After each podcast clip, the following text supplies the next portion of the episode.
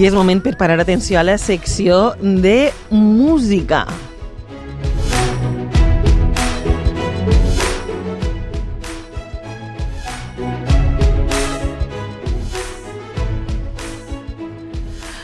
Ai, amb esta música avui el programa promet, eh? Isabel, bona vesprada. Bona vesprada. Sí, sí, anem a començar en una música molt, molt potent que estic mm -hmm. seguríssima que tots reconeixereu.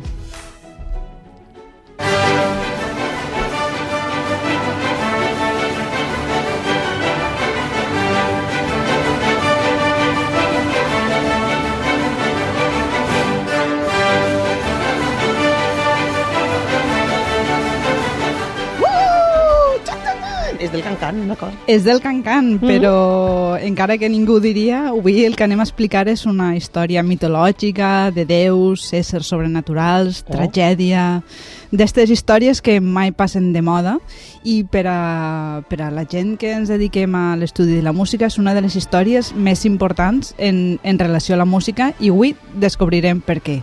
Estem parlant del mite d'Orfeu. Orfeu? Pel que veig anem a parlar de mitologia amb rerefons de Cancan. Sí. Sí, sí. Eh, estem, parlarem de mitologia grega, però en sí. realitat és una d'aquestes històries que podem trobar de formes paregudes en diferents cultures. El que passa és que normalment nosaltres mm. en anem als grecs perquè és on solem situar l'origen de la cultura occidental. Val, doncs expliquem qui era Orfeu. A mi m'agradaria dir el contrari, però oh. explicar qui és Orfeu és una cosa que no és gens fàcil, mhm. -huh. perquè totes les restes que tenim són, estan molt disperses i expliquen històries que a vegades les poden connectar i a vegades no. O sigui, cada, cada persona, cada persona que s'ha dedicat a estudiar això diu una cosa. Sí, sí. Jo vaig a fer-vos un xicotet resum. Sí? Uh mhm. Orfeu era fill d'Agre i de la musa Calíope. Calíope era la musa de la poesia i de l'eloqüència. -huh i ella era originari de la regió de Tràcia. També es diu que era, que això és molt important, fill del déu Apolo, oh. aleshores això és el que explicaria les extraordinàries dots musicals que tenia. Uh mhm. -huh. Orfeu sempre, si vegeu quadres, el, el pinten representat per una citra, que és sí. com una espècie d'arpa, que ell és el que sabia tocar i, clar, figura que mm, mentre tocava eh, anava dient històries en la poesia. Uh -huh. Per això és un dels déus que acostumem a, i déu, semidéu, personatge de la mitologia que identifiquem normalment sempre amb la música. Aquestes històries dels grecs solen ser molt novel·lesques. Sí, sí, eh? ara és quan comença la història novel·lesca perquè la història d'Orfeu ha donat molt de sí. A veure, a què es dedicava Orfeu? Orfeu es dedicava a quantitat de coses perquè, mm. per exemple, eh, amb la seva cítara anava marcant el ritme d'una història llarguíssima, que és la de Jasó i els argonautes, que anaven a recuperar un tro. Un, un tro? No. bueno, segurament també n'hi havia en la història. Anaven a recuperar, sí, el, el regnat de Jasó. I amb, també amb les extraordinàries dots musicals d'Orfeu era capaç, molt important, ja veurem després per què, d'encisar a tota la naturalesa amb els avantatges que això podia tindre a nivell terrenal normal i a nivell diví. Però va, i en tota aquesta faena que ell tenia, s'enamora d'una xica que li diuen Eurídice. A veure, i què? Com els va bé? Li dona carabassa? No, no, no, la casa va molt bé. El que passa és que quan estan a punt de casar-se, uh -huh. algú intenta raptar Eurídice. Ella s'escapa, però en la persecució va aixafar una serp que la mossega i li provoca una ferida mortal. Òbviament Orfeu, el pobre, es queda fet pols mm -hmm. i per a il·lustrar un poc este moment tràgic anem a escoltar, perquè han fet moltíssimes versions de la història musicals, una de les més conegudes és la del compositor francès Christopher Gluck i escoltem com il·lustra este moment de mort d'Eurídice.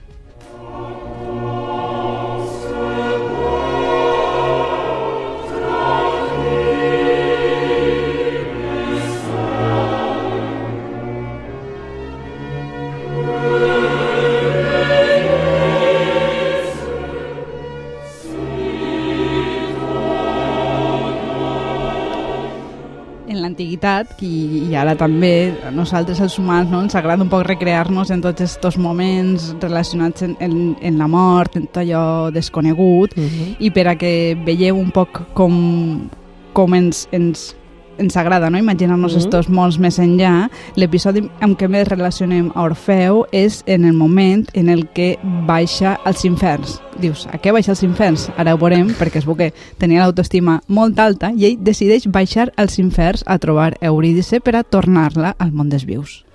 A l'infern, així, sense Google Maps ni res. Tira sense Google Maps, ni GPS ni res. res. En la mitologia grega es pensava que el món dels morts, el que nosaltres anomenem infern, estava separat del món dels vius per un llac. Este llac s'anomenava Estígia.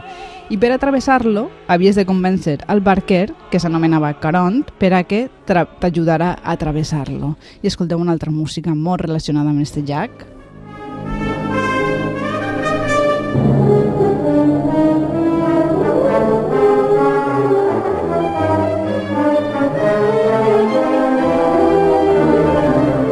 Música inquietant, francament. Sí, sí, sí, tota aquesta peça és molt inquietant. És d'un compositor valencià, que li diuen Francesc Tamarit, i explica tot este episodi, però en este cas basant-se en una altra obra, en una altra obra, que és la Divina Comèdia de Dant. Ah, però volem saber com continua la història.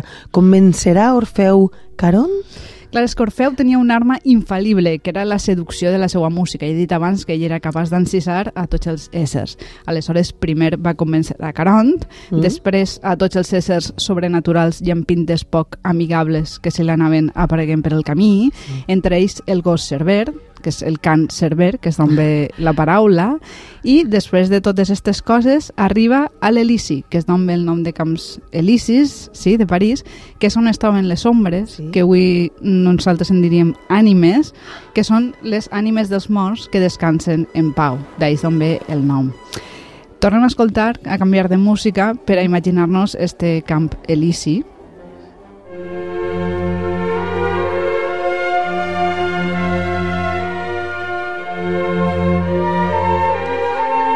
música millor. Quin canvi, que bonic. I ara apareixerà Eurídice. Encara no, ah, no, encara no, perquè primer va arribar a Hades i Persèfone, que són els amos de la terra, dels morts.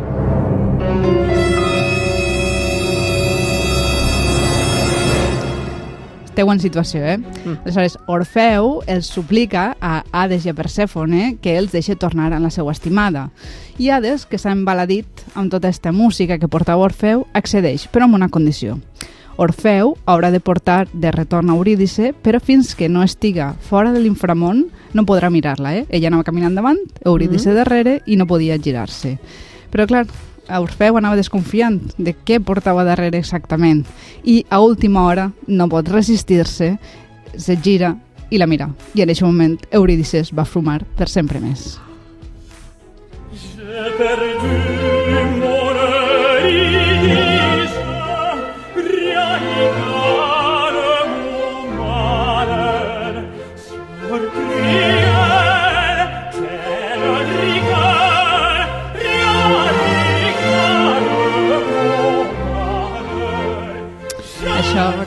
això que estem sentint és eh, l'òpera de, de Christopher Gloop en una àrea que s'anomena He perdut a l'amigo Eurídice.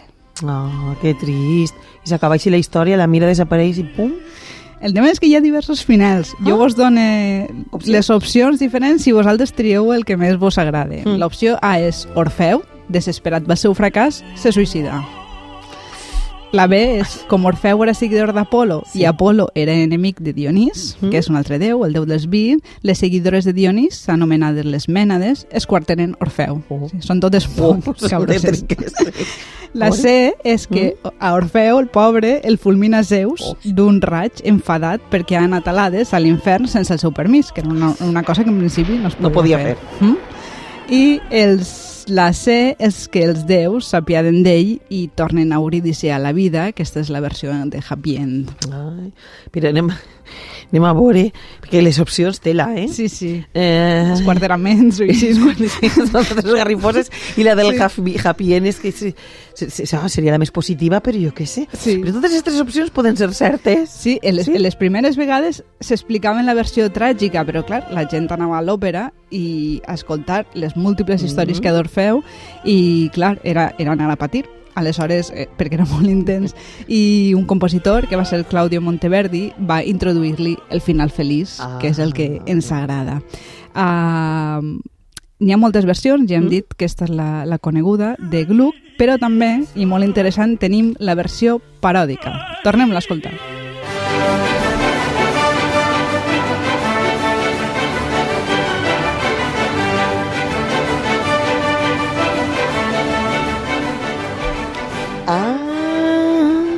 Sí, este és el fragment més conegut d'Orfeu als infers, que és una òpera còmica de Jacques Offenbach, que es va estrenar a París el 1858.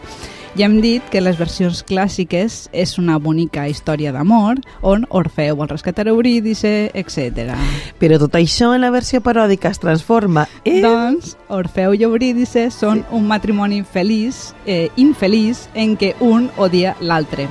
Clar, però això no queda més per a passar a, al llarg de la història no que matrimoniada. Clar, no, no, no quedava molt bé. Aleshores hi ha un personatge que és l'opinió pública que vol que tornen a estimar-se per a que així la gent que vinga després d'ells expliqui la història d'una manera més, més bonica. Mm. Però això està un poc difícil perquè Eurídice està enamorada del pastor Aristeu, que és el seu veí, mentre que Orfeu està enamorat de Chloe, que és una altra pastora. Ai, això complica, això complica la cosa i se suposa... T'estic mirant, això es complicarà més encara. Això es complica sí. moltíssim més més i uh, el mite d'Orfeu en tot el que és l'opereta, que és el que estem escoltant, va complicant-se. Aleshores Orfeu vol alliberar Eurídice, fa un complot amb Hades... Bueno, una història molt, molt llarga. I tot pareix anar bé fins que mm. l'opinió pública torna a, a dir-li a Orfeu, a amenaçar-lo, sí. que eh, arruïnarà la seva carrera de professor de violí, que la versió paròdica no toca la lira, sinó que és professor mm. de violí, i Orfeu no té més remei que acceptar de mala gana que haurà de baixar als inferns a per Eurídice i passar per totes aquestes proves. I ja no vos conté res més. Oh, oh, oh, oh.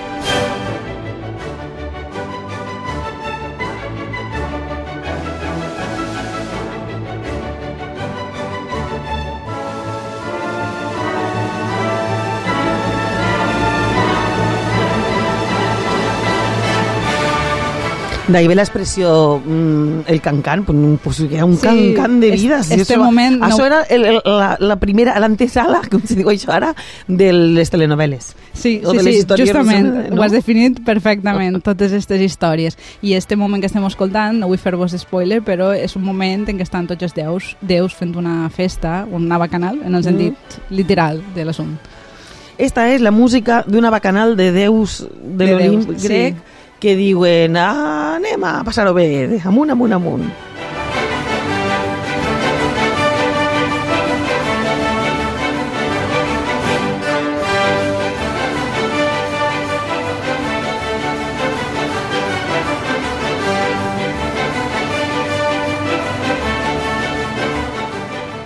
Que xulo. Sí, és que la, la història dona per a molt. La, eh? la història Podríem és fascinant. Està, sí, sí, sí, és molt, i se, se deriven moltes històries de moltes uh, ramificacions, algunes més teòriques i altres més divertides. Mm, I la setmana que ve què farem? La setmana que ve, sorpresa. és una sorpresa. Ho estàs maquinant. Estic maquinant-ho. Mm. Pues he de dir-te que la música esta de la Bacanal posa de bon humor, no sé si, a tu no? Posa de bon humor, sí, sí, okay. sí. Si penses en la Bacanal més encara. Moltes gràcies, Isabel. A vosaltres, bona vesprada.